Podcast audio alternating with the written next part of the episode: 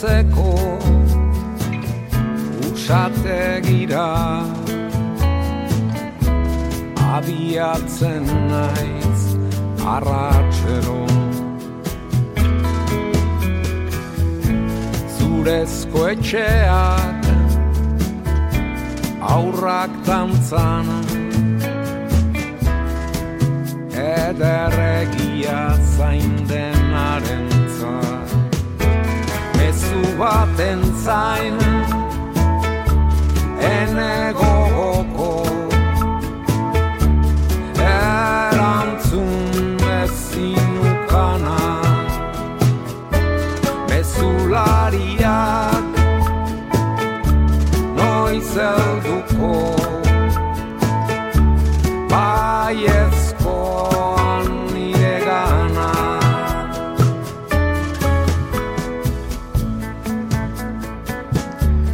Os enviamos nuestro saludo desde la Casa de la Palabra. Estamos dispuestos para entregaros una nueva edición en la cual vamos a rescatar tres entrevistas anteriormente emitidas. Nos apetece mucho recordarlas y es que para empezar vamos a escuchar al escritor Julio Llamazares. Julio dejó mm, uno de los testimonios más bellos sobre lo que supuso el confinamiento producido al inicio de la alarma sanitaria por la pandemia del COVID-19. Escribió un canto a la primavera extremeña, una primavera que se mostró en todo su esplendor y la naturaleza pasó a ser protagonista. Recordaremos aquellos tiempos bajo la maestría literaria y la sensibilidad del escritor Julio Llamazares. De Extremadura daremos un gran salto, pues nos vamos a situar en el área protegida de Zanga Sanga, en la República Centroafricana. Luis Arrand dirige la conservación de un territorio privilegiado en fauna salvaje, en donde se pueden observar los elefantes de bosque, los gorilas, leopardos y casi 400 especies de aves diferentes. Luis trabaja en contacto con los pigmeos vaca, los mejores conocedores de la selva. Nos hablará de todo ello este gran biólogo que es Luis Arrán, bien conocedor de la fauna africana. Y estaremos también con Francisco José Padilla Padi, es toda una referencia del barranquismo. Practica este deporte desde el año 1993, es autor de una guía sobre barrancos y cascadas de Navarra. Suele hacer salidas a países exóticos y nos va a relatar su estancia en Coroico.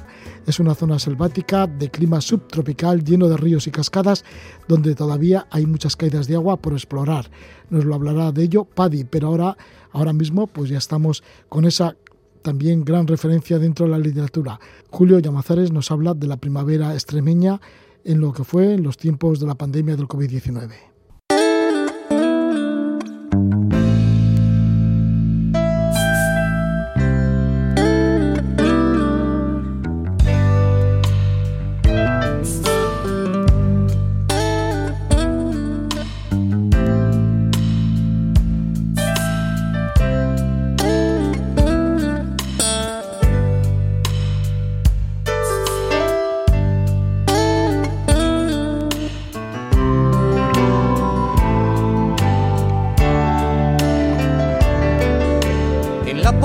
Del fracaso donde no hay consuelo ni ascensor.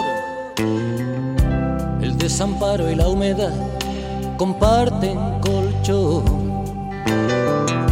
Y cuando por la calle pasa. La Escuchamos a Joaquín Sabina con su tema ¿Quién me ha robado el mes de abril? Y enseguida estamos con Julio Tamazares para que nos hable del libro Primavera Extremeña. calendario del bolsillo y gritan ¿Quién me ha robado el mes de abril? ¿Cómo pudo sucederme a mí? Pero ¿quién me ha robado el mes de abril? Lo guardaba en el cajón donde guardo el corazón. Chica de bucas y todas las asignaturas suspendió. Escribe Julio Llamazares en su libro Primavera Extremeña que uno de los lamentos más repetidos por los españoles durante la cuarentena, esa cuarentena obligada por la pandemia que asola el planeta entero desde comienzos de 2020, bueno, pues que aquella pandemia le robó la primavera. Sin embargo, Julio tuvo una primavera fantástica que disfrutó de principio a fin, a pesar de la inquietud y de los dramas que sucedían a su alrededor. Julio Llamaceres estuvo confinado en un lugar de Extremadura al que llegó por propia voluntad huyendo de la amenaza que se cernía sobre la población de todo el mundo.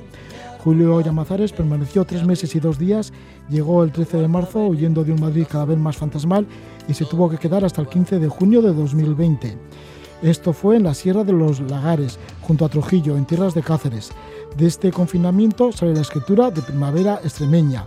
Julio Llamazares es un autor muy sensible a la naturaleza, al mismo tiempo a las zonas despobladas y al fin de la vida rural, como lo ha demostrado en anteriores obras, entre ellas pues el inolvidable libro La lluvia amarilla. Vamos a hablar de esta primavera extremeña con su autor, con Julio Llamazares. Le damos la bienvenida. Muy buenas noches, Julio. Muy buenas noches, ¿cómo estás? Bueno, pues Julio, que la primavera de 2020 ya lo sabemos todo, fue extraordinaria. Nadie sabía lo que iba a suceder. ¿Qué supuso para ti? Para ti, ¿no? Porque te ha salido hasta un libro, ¿no? Que, que lo has escrito esta primavera extremeña. Sí, bueno, me ha salido un libro que no contaba y, y que tiene su origen en la, en la pandemia que paralizó el mundo y que provocó una tragedia de carácter planetario. Bueno, digamos que yo tuve la, la gran fortuna por, por mis circunstancias, por mi eh, actividad profesional liberal, en, vísperas de, de la pandemia escapar de Madrid, huir de Madrid donde ya se veía un ambiente casi casi mmm, semejante a lo que a lo que ocurrió en Chernóbil, pero por otros motivos. Entonces eh, busqué busqué refugio en un viejo lagar de Extremadura, reconvertido en casa vacaciones que pertenece a mi familia política. Y bueno nos fuimos allí parte de la familia buscando buscando aislarnos de, de, lo que estaba sucediendo buscando la seguridad del campo porque es una casa aislada a mitad del campo y pensábamos que pero pensábamos que iban a ser 10 15 días y acabaron siendo tres meses que por un lado eh, fueron trágicos como para todo el mundo porque lo que estaba ocurriendo era y lo que continúa ocurriendo por desgracia es muy trágico. Pero por otro lado indirectamente a mí me regaló la primavera que robó a la mayor parte de la gente que en el campo de Extremadura es un auténtico espectáculo porque la primavera extremeña es eh, más la, la del 2020 que fue muy lluviosa según comentaba la gente allí fue es una auténtica maravilla.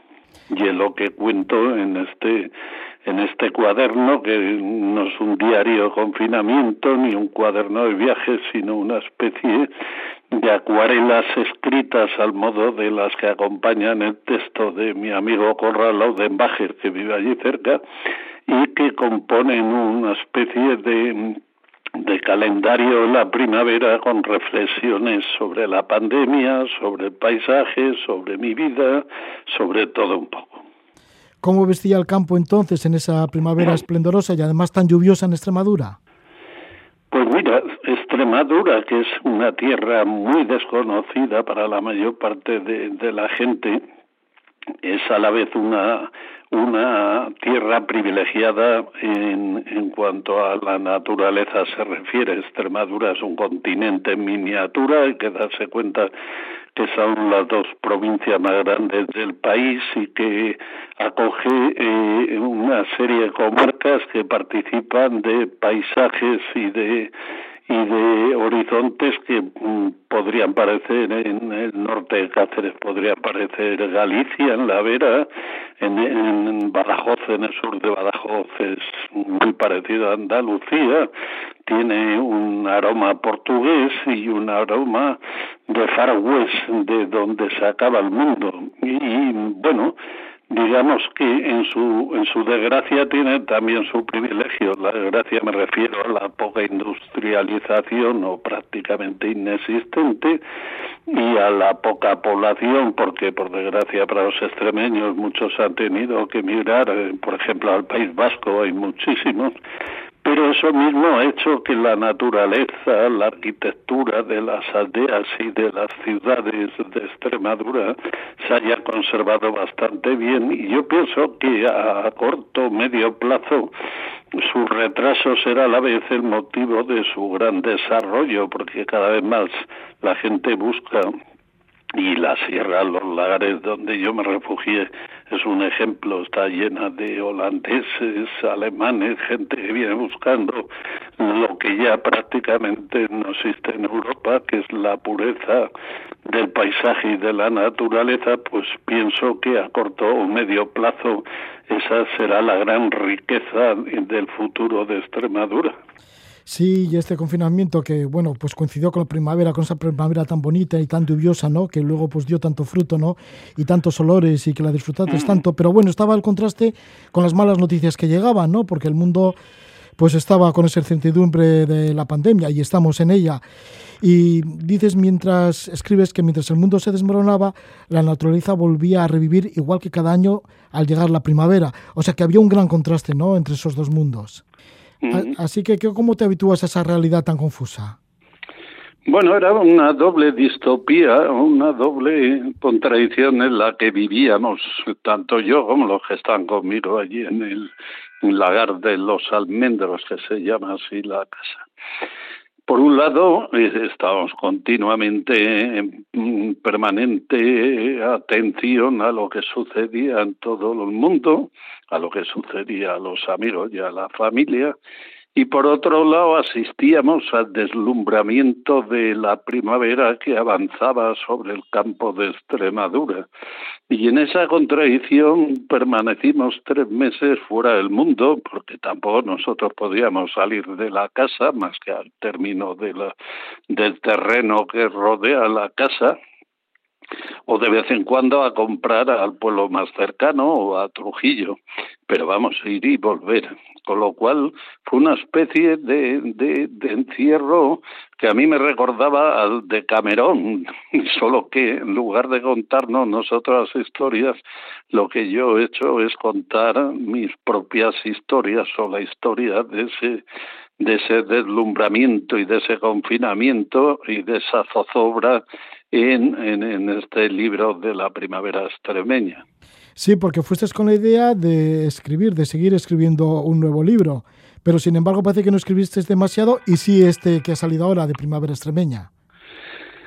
A ver, el, uno, la mayor, los libros se dividen en dos tipos de libros, eh, los que uno planifica, estructura, rumia durante un tiempo antes de escribirlos, y luego están los libros que te surgen por azar, como cuando te asaltan en, en un camino.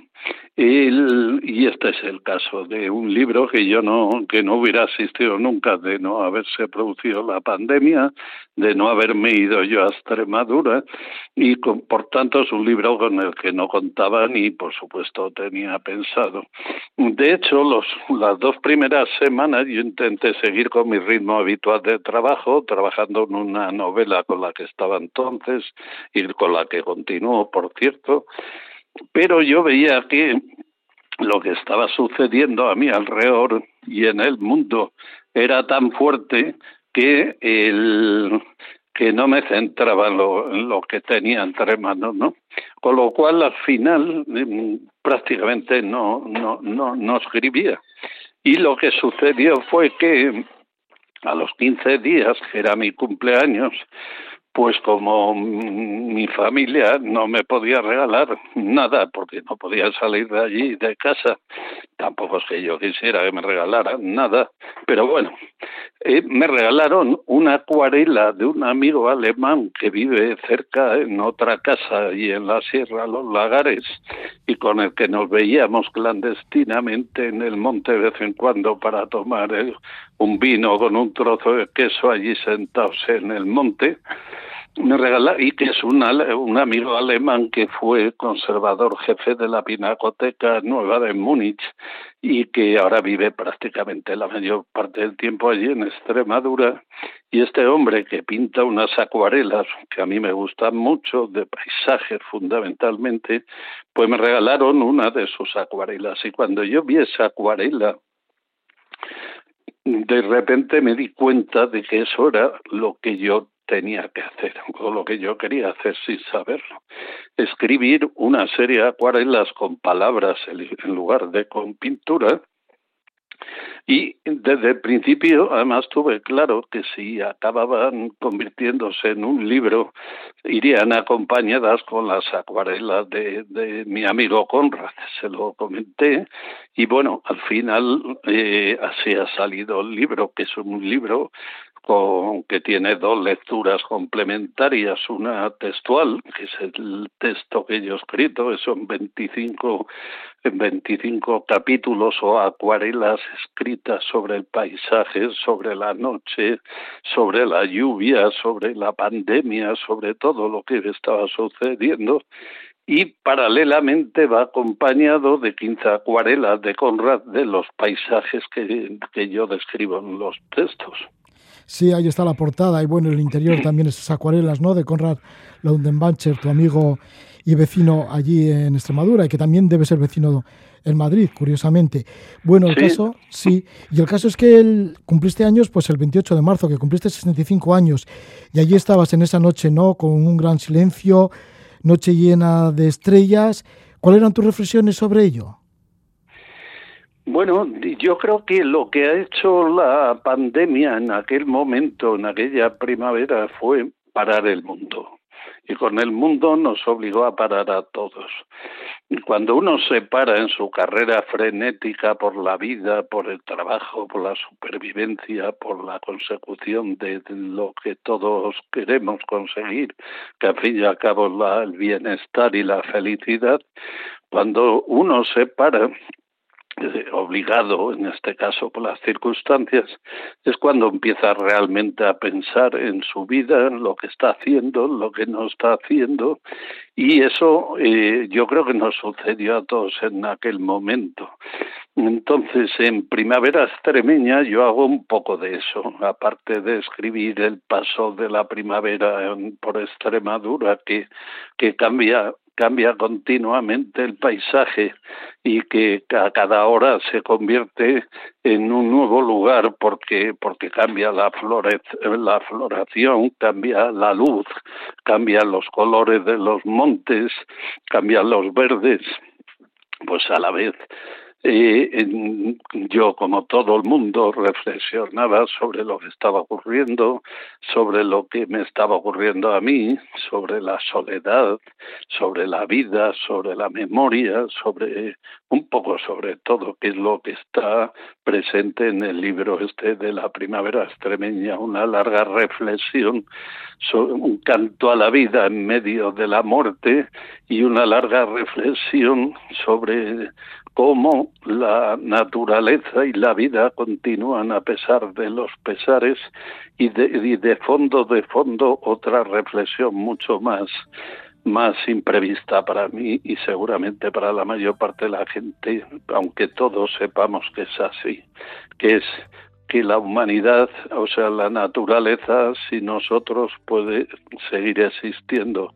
La humanidad sin la naturaleza no puede existir. ¿Cómo fue el regreso a la gran ciudad después de más de tres meses?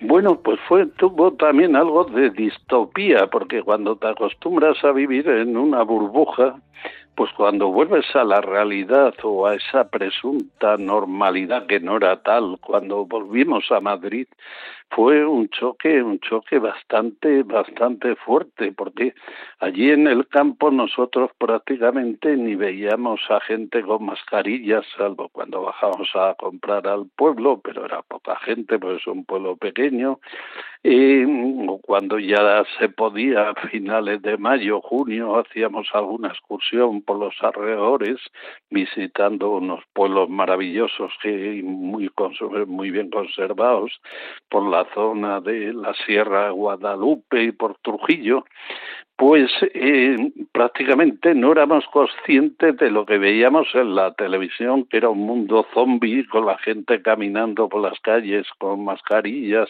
alejados unos de otros, protestando, aplaudiendo, en fin, todo lo que sucedió. Y cuando cuando el día 15 de junio cogimos el coche y volvimos a Madrid, pues ya teníamos que volver, eh, pues de repente entrar en Madrid y volver a ver esa ciudad inquietante y fantasmal, sin apenas gente por las calles y la gente con mascarillas y como con ojos de desconfianza, pues fue un choque bastante fuerte.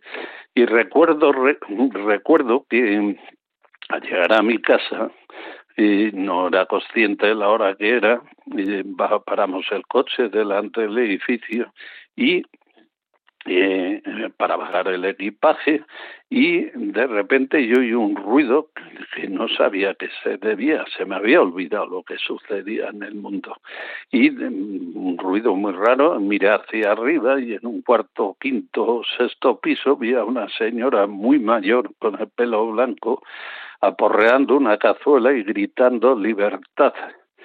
Y lo que pensé en ese momento es algo tan, tan, tan simple como, pero esta mujer en 90, 80 y pico años que tendría, no ha tenido nunca ocasión de pedir libertad viviendo durante 80 años en este país. Que lo tenga que pedir ahora ante un, virus que ni tiene patria, ni origen, ni ningún, ningún responsable. Pues Eso fue lo que pensé. Bueno, pues mucho eso para pensar. Es todo un honor estar conversando con Julio Llamazares y aquí está este libro, Primavera Extremeña, Apuntes del Natural, que lo edita Alfaguara. Muchísimas gracias, Julio Llamazares, por esta conexión. Muchas gracias por la entrevista y bueno, digamos que este libro, si algo trata de ser, es una especie de bálsamo en esta tragedia que vivimos y una forma humilde y literaria de devolver a la gente la primavera que les robó el año 2000 por culpa de la pandemia. Angonga! Angonga! Angonga! Angonga! Angonga! Angonga! Angonga!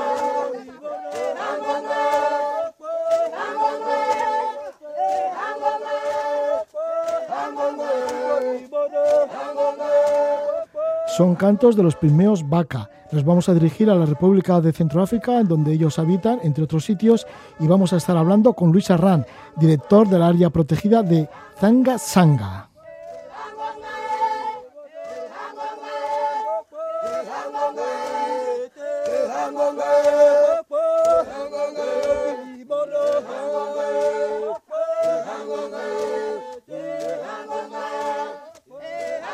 Nuestro invitado, Luis Arran, nació en Santa Cruz de Tenerife en el año 1956. Es biólogo y ha dirigido el Parque Nacional de Monte Alén en Guinea Ecuatorial. Esto fue entre el año 1992 y 1998. Luego dirigió el de Zakuma en el Chad, el de Garamba en la República Democrática del Congo. Esto fue del año 2007 al 2014. Y anteriormente pues había trabajado en Sudamérica, en países como Bolivia, Brasil, Venezuela y también en África, en Angola. Desde enero de 2017 está como director de esta área protegida de Zanga Sanga en la República de Centroáfrica, un lugar en donde hay un montón de elefantes, también gorilas y, otro, y otra multitud de, animales, bueno, muchas aves. De todo esto nos va a hablar Luis Arraz. ¿Qué tal estás? Muy buenas noches, Luis. Buenas noches, Roger.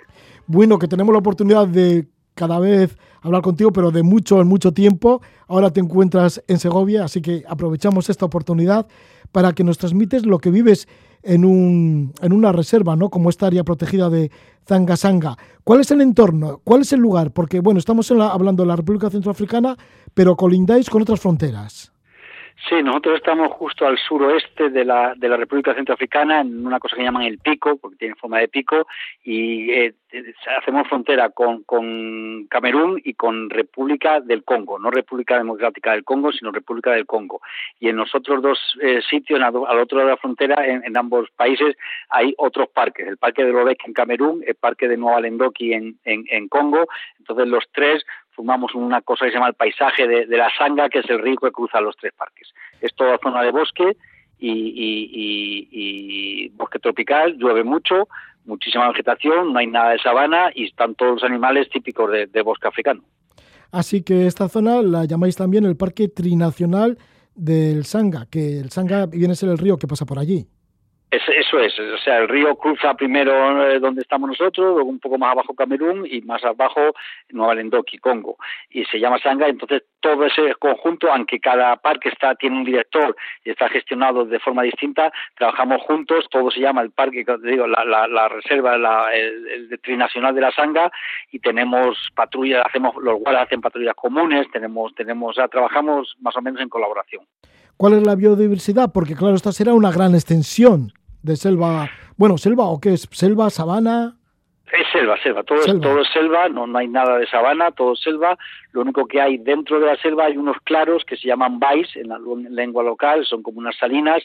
Entonces, esto es, muy es típico de allí y es hace diferente estos parques porque estas bais tienen sales en el subsuelo, entonces los elefantes van allí a, a, a, tomarlas.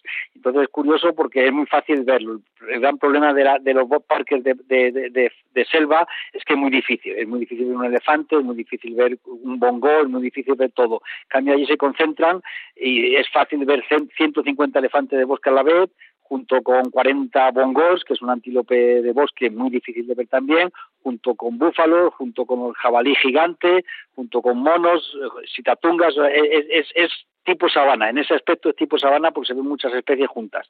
Y, pero vamos, todo el parque es bosque. Además de todo ello, también están los gorilas occidentales de llanura. Sí, ahí hay, una, hay muchos gorilas donde estamos nosotros y además con la posibilidad de verlos, porque desde hace 30 años están trabajando con ellos para habituarlos. Tenemos ahora mismo tres grupos completamente habituados, estamos trabajando en otro, entonces es una cosa segura de ver, se puede ver un gorila. Hemos puesto un límite de, entre 5 y 7 metros por seguridad no del turista, sino del gorila, porque por, por evitar de transmitir eh, enfermedades o algo así, se tienen que ver cuando se van, hay que lavarse antes, hay que usar mascarilla, todo eso que se ha puesto de moda ahora en España, en Europa, ya lo llevamos haciendo allí muchos años para evitar que, los gorilas puedan tener alguna alguna infección nuestra. Pero vamos, eh, eh, se ven los gorilas y sobre todo, sobre todo para mí lo más interesante del parque es que aparte de la fauna y de los ríos y del paisaje y de los árboles, están los vacas. Los vacas son los pimeos, son de los pocos pimeos que todavía siguen teniendo su vida tradicional, siguen entrando a cazar al bosque con ballestas y con, y con redes, siguen construyendo las chozas con hojas, siguen subiendo a los árboles para coger miel, en fin, sigue todo y los cantos, la, música, pero además no es que lo hagan para los turistas, es su vida. Entonces es de los pocos sitios que quedan y eh, seguramente dentro de algunos años eso desaparecerá. Entonces es algo es algo especial. Luis, ¿y cómo es vuestra relación con los vaca? Bueno, la relación es, es tira y digamos. Quiero decir, por una parte, eh, ellos, hay muchos que trabajan con nosotros, todo el proyecto de habitación de gorilas lo, lleva, lo, lo llevan ellos, eh, hay guardas y hay gente que trabaja con nosotros. Por otra parte, nosotros les ayudamos bastante en cuanto a en sanidad, tenemos un programa de salud que cada día médicos van a los poblados para ver cómo están, tenemos educación y todo esto. Esto es la parte buena. La parte mala para ellos es que hay dentro de la reserva de, de todo lo que es el área protegida de Sanga Sanga, hay dos parques nacionales, el parque de Sanga y el parque de Endoki, en los cuales ellos no pueden cazar luego hay todo alrededor, hay una reserva donde ellos pueden cazar, o sea, la verdad es que no es mucha zona donde no pueden cazar, pero sí hay una zona y entonces pues eso pues no, le, no, les parece muy bien o le gustaría poder cazar. Luis, ¿y cómo es la comunicación con ellos? Digo, ¿cómo eh, se capta la mentalidad? Porque sois de una mentalidad bien distinta, ¿no? Tú vienes del mundo occidental, aunque has vivido mucho en África y conoces un montón de problemáticas africanas, has vivido como un africano más y vives como un africano más, pero claro, luego estar también con los vaca que tendrán toda una cosmología muy propia y demás, ¿cómo es esa Yo, como dice, llevo casi 40 años en África y, sí conozco, o creo que conozco al africano. Los vacas son completamente distintos. Para que te hagas una idea, es una gente que no es que no tengan smartphone, es que no han visto un teléfono en su vida. que, digo porque en otros sitios de África, por muy pobres y muy eh, aislados que estén, los ves con el teléfono. Esta gente no maneja casi el dinero, eh, hay, hay, mujeres que no, que no, que no han visto un, dinero en su vida, eh, son casi no cultivan, son cazadores recolectores, eh, van a cazar y recogen las, plantas eh, para, para comer. Tienen mucha sabe mucho de plantas medicinales y la comunicación muy poquitos hablan hablan francés Eh, entonces es, no es, la comunicación directa es complicada. Y luego pues es su forma de, ver la vida. Nosotros por ejemplo intentamos que, manden los niños a la, escuela les pagamos todo para que puedan aprender a leer a escribir tal y ellos no por supuesto un niño con siete u ocho años ya tiene que trabajar ya se, ya ya se cuida de los os cuida de los hermanos pequeños o entra al bosque a recoger leña o a recoger o a pescar o a recoger eh, setas o lo que sea. es muy distinto, es, casi imposible eh, meterse en su mentalidad. Muy no conocen los horarios, cuando tienen que trabajar con nosotros, pues a lo mejor eh, llegas a un acuerdo con ellos para que estén el miércoles a las 10 de la mañana y llegan el jueves por la noche, cosas así, pero bueno, es su forma de ser y así trabajamos. Como guardas tienen que ser los mejores porque serán los que mejor conocen la selva y se mueven por ella. Hombre, como guardas, sí, por supuesto, y ya te digo, y todo el seguimiento de gorilas es con ellos. Nosotros tenemos eh, los primeros, una serie de primeros que trabajan, porque además saben todo lo que pasa en el bosque. Entonces, cuando ellos saben de que alguien ha venido de fuera y con la intención de matar un elefante o algo así, pues sí nos informan y tenemos, yo creo, un servicio de, de, información bastante bueno y, y, saben todo, saben todo. Pero dentro del parque son los únicos con los que se puede ir a algún sitio porque los demás nos perderíamos el tema de la caza de elefantes y demás, sobre todo por los furtivos, es una lucha que llevas durante mucho tiempo. No solo hay en la República Centroafricana y en esta área protegida de Zanga-Sanga, sino también en otros sitios que has estado, por ejemplo, la República Democrática del Congo, ¿no? Cuando estabas en Garamba, que estuviste seis, siete años combatiendo la caza furtiva. Sí, desgraciadamente lo de los elefantes no para, no para, yo no sé por qué, seguimos intentando tener un trozo de marfil o yo no sé, no sé, es, ridículo, pero es así, entonces eh, es un problema. En comparación con, con Garamba o con Zakuma, aquí hay tenemos, es mucho menos violento, quiero decir, por ahora, como los, los furtivos que suelen venir de, de, de Sudán, de Chad, no se atreven a entrar en la selva porque se perderían, entonces eh, es más gente local o vienen a cazar algún elefante para venderlo en marfil y no es a la gran escala que es en otros parques. Por ahora está tranquilo, pero el día que desaparezcan los elefantes de los otros sitios llegarán donde nosotros. Entonces es un problema, es un problema. No, no, no, no aprendemos y seguimos, seguimos hasta que no acabemos con los elefantes, como hemos acabado con los rinocerontes en casi todos los países de, África, pues no, no, no, no pararemos. Tan cotizado está el marfil y eso que está prohibido, ¿no? Su venta su comercio. Está prohibido su venta no total. El problema es que, que hay un, el CITES eh, permite que marfil de algunos países de África vayan a algunos países de, de Occidente, como Japón. Entonces, a través de eso se, se, se mete todo pero pero sí está está valorado claro que está valorado por eso entonces la gente está dispuesta a todo. A ellos le, por un venden dos, dos comidas de marfil y es el dinero que van a ganar en dos o tres años trabajando. Entonces por supuesto que que luego en comparación con lo que se lleva el traficante no es nada. Pero pero pero así es son países muy pobres. República Centroafricana yo creo que está en la lista en el último puesto en la lista de los países mm, últimos eh, más atrasados en casi todo y, que eso hace pues más difícil la conservación Luis, el que se acerque por allí, por el área protegida de Sanga, Sanga porque claro, será también los turistas una fuente de ingresos, ¿no? Para, para la protección y para la conservación de estos animales. ¿Cómo, ¿Cómo lo pueden hacer? ¿Cómo es ese acercamiento de los turistas? Llegar allí a República Centroafricana y a este lugar que está tan alejado pues es mucho más fácil de lo que parece. Quiero decir, el, solo el nombre de República Centroafricana da un poco de miedo. Todo el mundo piensa que, que, allí está todo en guerra. Es verdad que ha habido guerras, es verdad que ha habido golpes de Estado, ahora ha habido unas elecciones y hay una estabilidad, inestabilidad, pero es más al norte y, y al este. Donde estamos nosotros la verdad es que está tranquilo y nosotros tenemos un proyecto de turismo porque tenemos hemos construido un lodge allí que los turistas se puedan alojar, tenemos los grupos, eh, como te digo, habituales de gorilas, entonces es, relativamente fácil, es, se puede llegar en vuelo desde España, llegando de España, se puede en vuelo directo pasar, parando en Casablanca con Roya de Marroc y allí en, Bangui hay un avión que lleva a los turistas hasta el parque, están el tiempo que, que quieran, una semana, diez días y, la vuelta es parecida, o sea, es relativamente fácil. Para eso había que ir a la, página, nuestra página web, que es sangasanga.org. Sanga, la primera es D-Z-A, Sanga, y la segunda es con S-A, y, ahí viene todo explicado, viene todo, y, es, es, es, fácil, es relativamente fácil. ¿Cómo pueden ser unas jornadas por allí, por este parque? Hombre, pues lo, para un turista, ¿te refieres? Sí, sí. ¿Qué es lo que organizáis? Pues, Sí, pues eh, ya te digo, la gente llega, llega a Bangui, allí lo recogemos, lo metemos en nuestro avión, en un avión que alquilamos y, y llega a, allá al parque. Entonces, ahora está cerrado, lo, digo por si alguien se anima, quiere animar ahora, por, después de, de, del COVID, desde marzo estamos cerrados, no, supongo que este año pues seremos, podremos abrir. Entonces, quiero decir, la gente va a, a, al BAI, al BAI eh, hay un como he dicho, hay varios bay, pero hay uno especial que se llama Sangabay, donde siempre, siempre, siempre, siempre hay elefantes. Pueden ser 40, pueden ser 100, pueden ser 180, pero siempre hay. Entonces la gente pasa un día entero en el bay viendo los elefantes, más los otros animales que entran, que, son el, el, el búfalo, el bongo, el citatunga.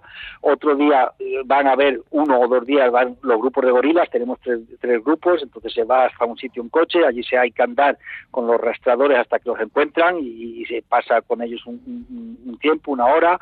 Luego otra cosa que hacen casi todos los turistas, porque creo que vale la pena irse uno o dos o tres días al bosque con los vacas para ver cómo viven, quiero decir, porque no son que, que los vacas vayan con el turista para hacer que hacen algo por, por el turista, van a vivir con ellos eh, y, y, ven cómo viven, la forma de vivir que llevan miles de años viviendo. Otro día se va se podía, tenemos un grupo de mangabey es un mono, eh, un grupo de unos 200 mangabeys semi-habituado, entonces se puede, es muy fácil de ver, otro día se va a pasear por el bosque, se puede bajar por, por el, río Sanga con, un cayuco, con una, una motora, o sea, yo creo que, que, que y otro día se, se, está contemplando allí enfrente del los que tenemos, que está justo enfrente del río, porque allí todo el tráfico de la gente es con, con cayucos, con piraguas, entonces viéndole subir, bajar, cómo van, suben a las palmeras para recoger el, vino de rafia. Yo creo que, que, no se aburre uno y solo estar allí merece la pena. Sí, seguro que sí. ¿Y cómo es el ambiente que se vive en esta parte de África? Es ¿Qué es lo, ¿qué es lo que se respira? que son gente muy muy pacífica, entonces no hay la misma violencia que puede haber en el este de República Democrática del Congo, incluso Sakuma, hay muy pocas armas en comparación con los otros países, entonces yo creo que se puede ir a Bayanga, Bayanga es un poblado que tenemos a un kilómetro de donde, de donde tenemos el Lodz, y se puede ir tranquilamente por la noche a tomar algo con la gente de allí, y yo, yo creo que yo creo que el ambiente es, es tranquilo, es apacible y, y sin problema. Luis, ¿y cómo es tu vida?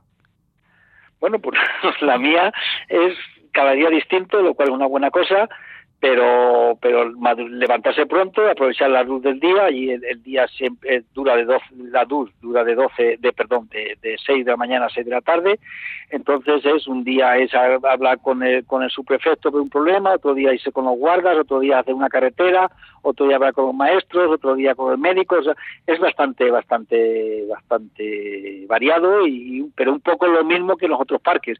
La, la cosa se trata de proteger el parque, de que no acaben con él, de intentar ayudar a la gente lo más posible para que esté de nuestra parte en vez de estar contra nosotros y, y, y bueno, al que le gusta, le gusta. Es un, en, en, no hay restaurantes, no hay cines, no hay teatros, o sea, es, es, es, otra, es una vida distinta, pero, pero, pero yo creo que vale la pena. ¿Cómo son las noches allí? ¿Te refieres a...? Sí, la noche, a... bueno, cuando llega la noche, bueno, que será todo como muy tranquilo. Hombre, depende, porque los vacas sí, cuando llega la noche les gusta, ponen fuego y les gusta mucho bailar, les, mucha, les gusta mucho cantar y cuando y cuando vas con ellos, pues igual a las dos de la mañana se levantan a cantar. Eh, por supuesto, el grupo, nosotros tenemos grupo electrógeno, vamos, el grupo electrógeno tenemos solar, entonces a las 10 se, se apaga y en principio, en principio se, se queda tranquilo. Pero en el poblado este que te digo, Bayanga, hay, hay algunos bares que tienen grupo, hay un, incluso una discoteca, entonces sí, la gente puede, le gusta la juerga y pueden pasarse toda la noche bailando. Luis, y después de tantos años en África, viviendo y trabajando en el continente, ¿qué sería si te apartarían de, del mismo? Pues no lo sé, ya te lo diré cuando me parten, por ahora sigo allí, sí, yo acabo de renovar pero... ahora por otros dos años, o sea que dos años más estaré allí y luego ya veremos, lo, yo no, no, no, sé, no sé, por ahora está, estamos bien allí. Ya, por eso te digo, ¿no? Que ya forma parte de ti vivir en África. Hombre, 40 años son muchos, 40 años son bastantes. Sí, sí, sí. O sea que es como convertirte en un africano más, ¿no? Digo yo, no lo sé.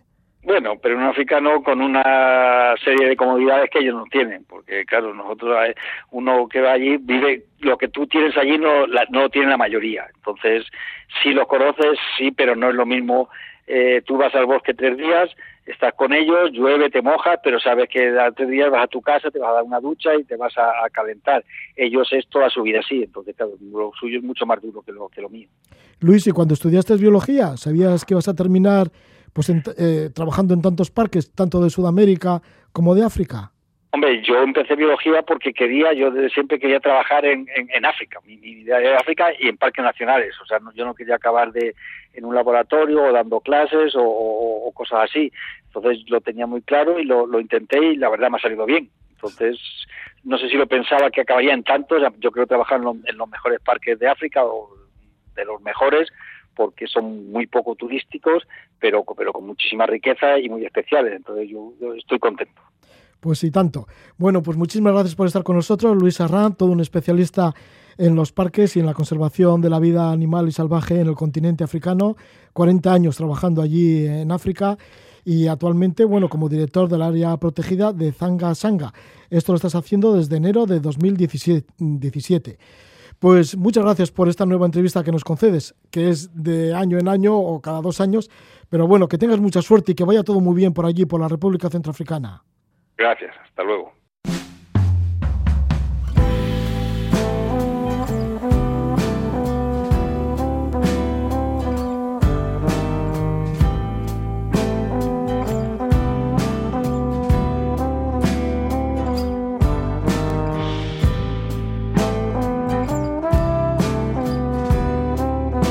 En la Casa de la Palabra vamos a explorar barrancos en Coroico, en Bolivia. Hasta allí ha llegado nuestro invitado Francisco José Padilla, conocido como Padi, gran barranquista navarro, autor del libro Barrancos, Serrecas, Cascadas y Foces Navarrensis, en el cual publicaba 70 propuestas de descensos en Navarra Paddy, que además de estar por los barrancos navarros, conoce bastantes de la península ibérica e inclusive, inclusive pues ha ido a países como Cabo Verde, como Marruecos. Estuvo también en un barranco en el desierto del Sáhara argelino, increíble, pero fue así. También ha estado en Brasil, en Cuba, en Utah, en Estados Unidos y recientemente en Bolivia.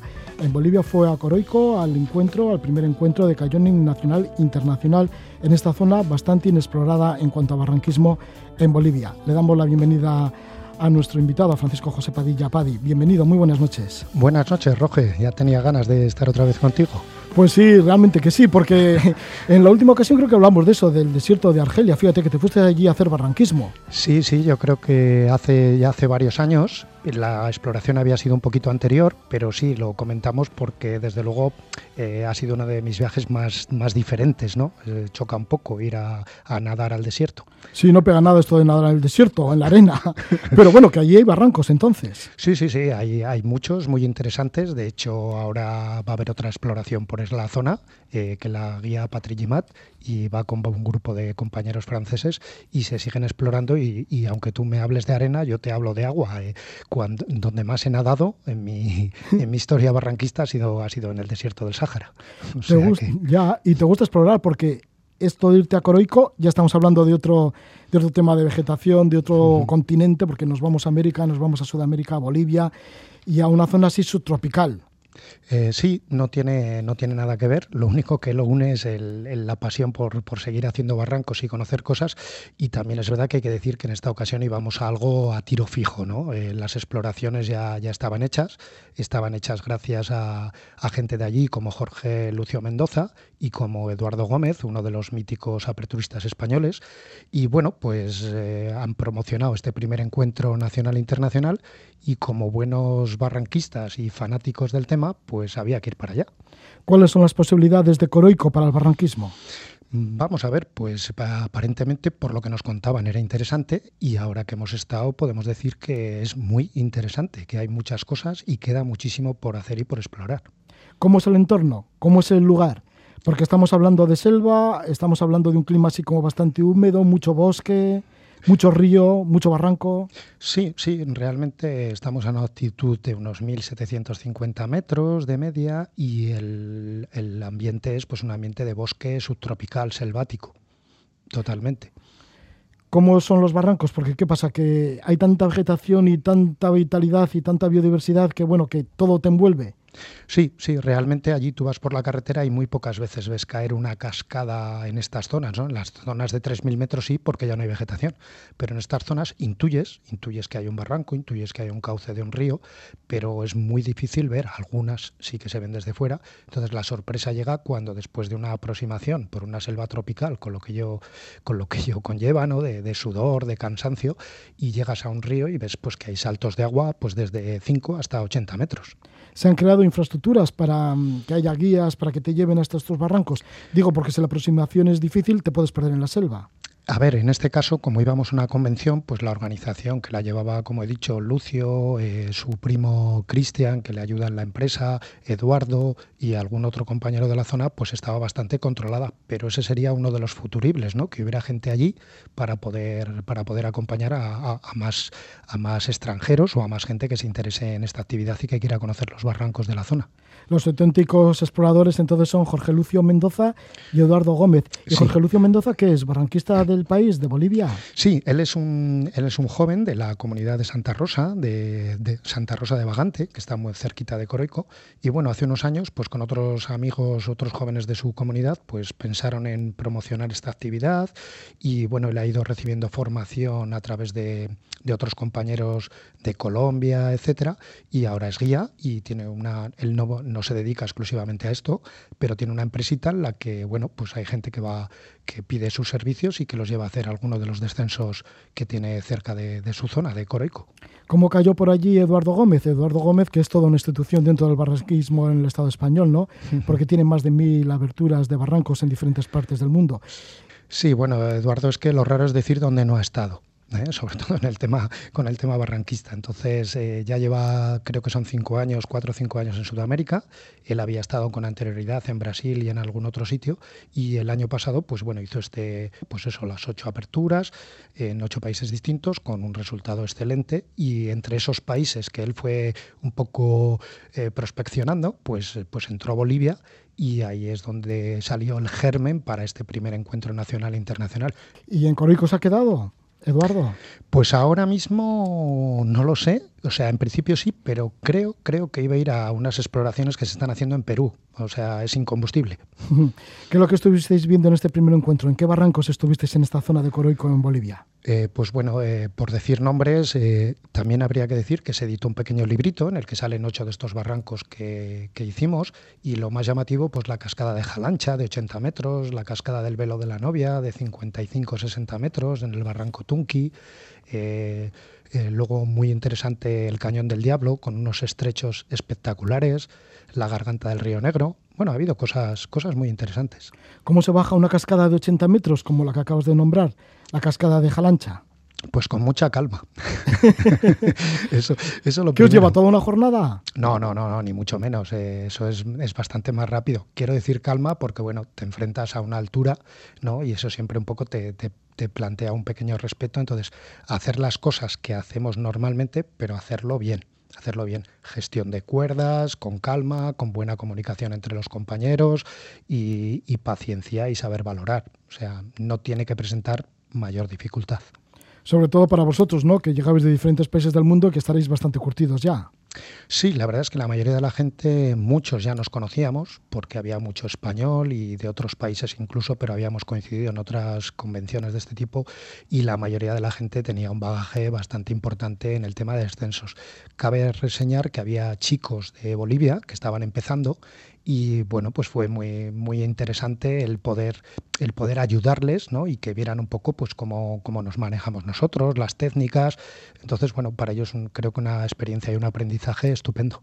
Las comunidades del lugar quieren promocionar la zona, la zona pues, pues para ayudar, para ayudar económicamente al lugar. Eso sería lo ideal, ¿no? Que, ellos, de hecho, ya han colaborado con, la apertura dejándonos ir a sus, a sus territorios y poder ir a explorar esos ríos, incluso acompañándonos a ellos o recibiéndonos a la salida.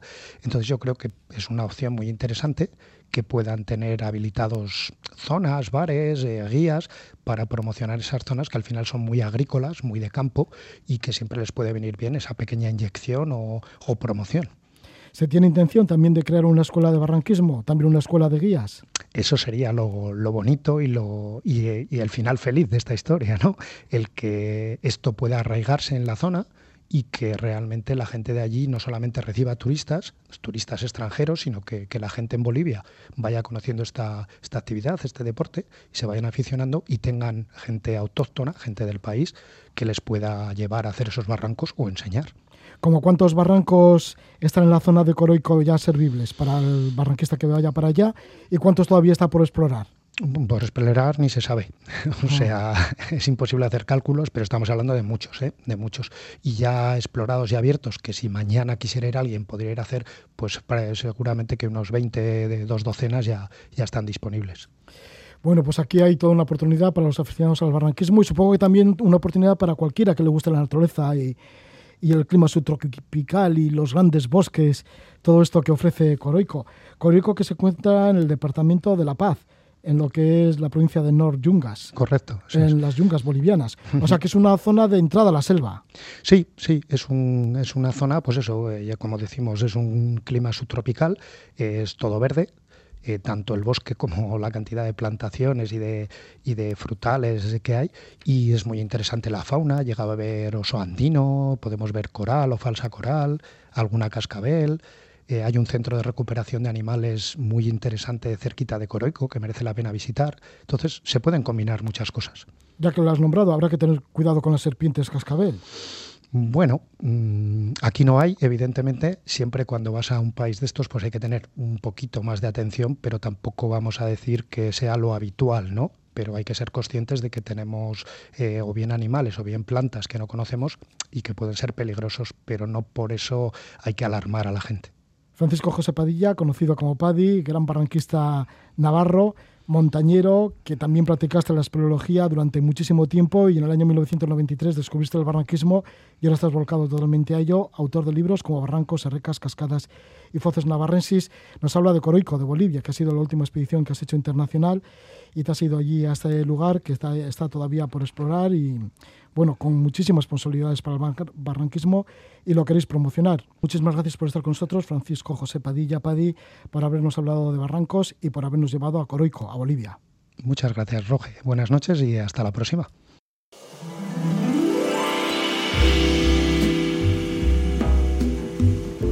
Le hemos tenido a Padi, a Francisco José Padilla, este navarro remojado, ya que siempre está pues entre barranco y barranco. Esta vez en Coroico. Y nosotros vamos con música con la cual yo creo que podéis disfrutar, como es la música de un grupo legendario, Jeffro Tour, que continúa. Esto es su disco del año 2022. Que vaya todo muy bien. Suerte.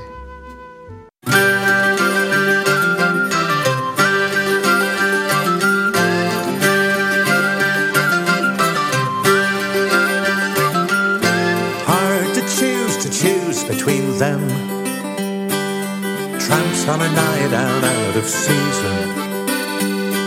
Bare legs and arms at the taxi stand. Shoes in hand, cold curve to freeze on. What desperation, what souls possessed. With lonely demons are put to test. Why should we worry? Why should we? That warrior horsemen shame defile them. Why tip the cabbie plus his fare?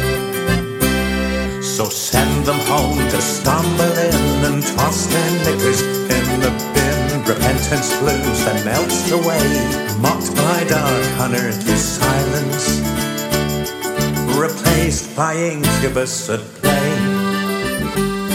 Bad sisters stare graffiti stare in return when weekend calls. The empty bragging, the empty lies. In anguish echo through empty malls. What desperation, what souls possessed. With lonely demons are put to test. Why should we worry? Why should we care?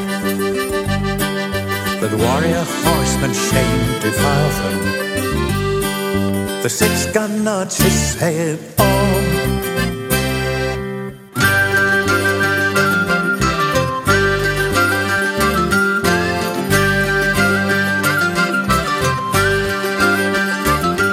It was hard to choose, to choose between them.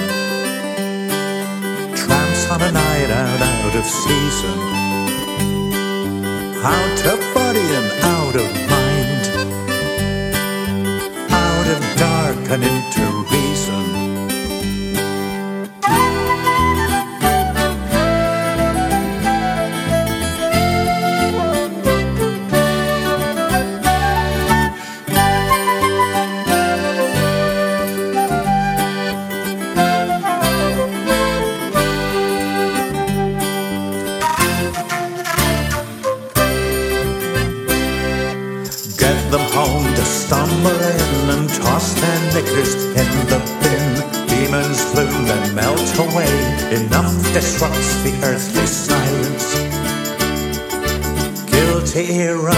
his day.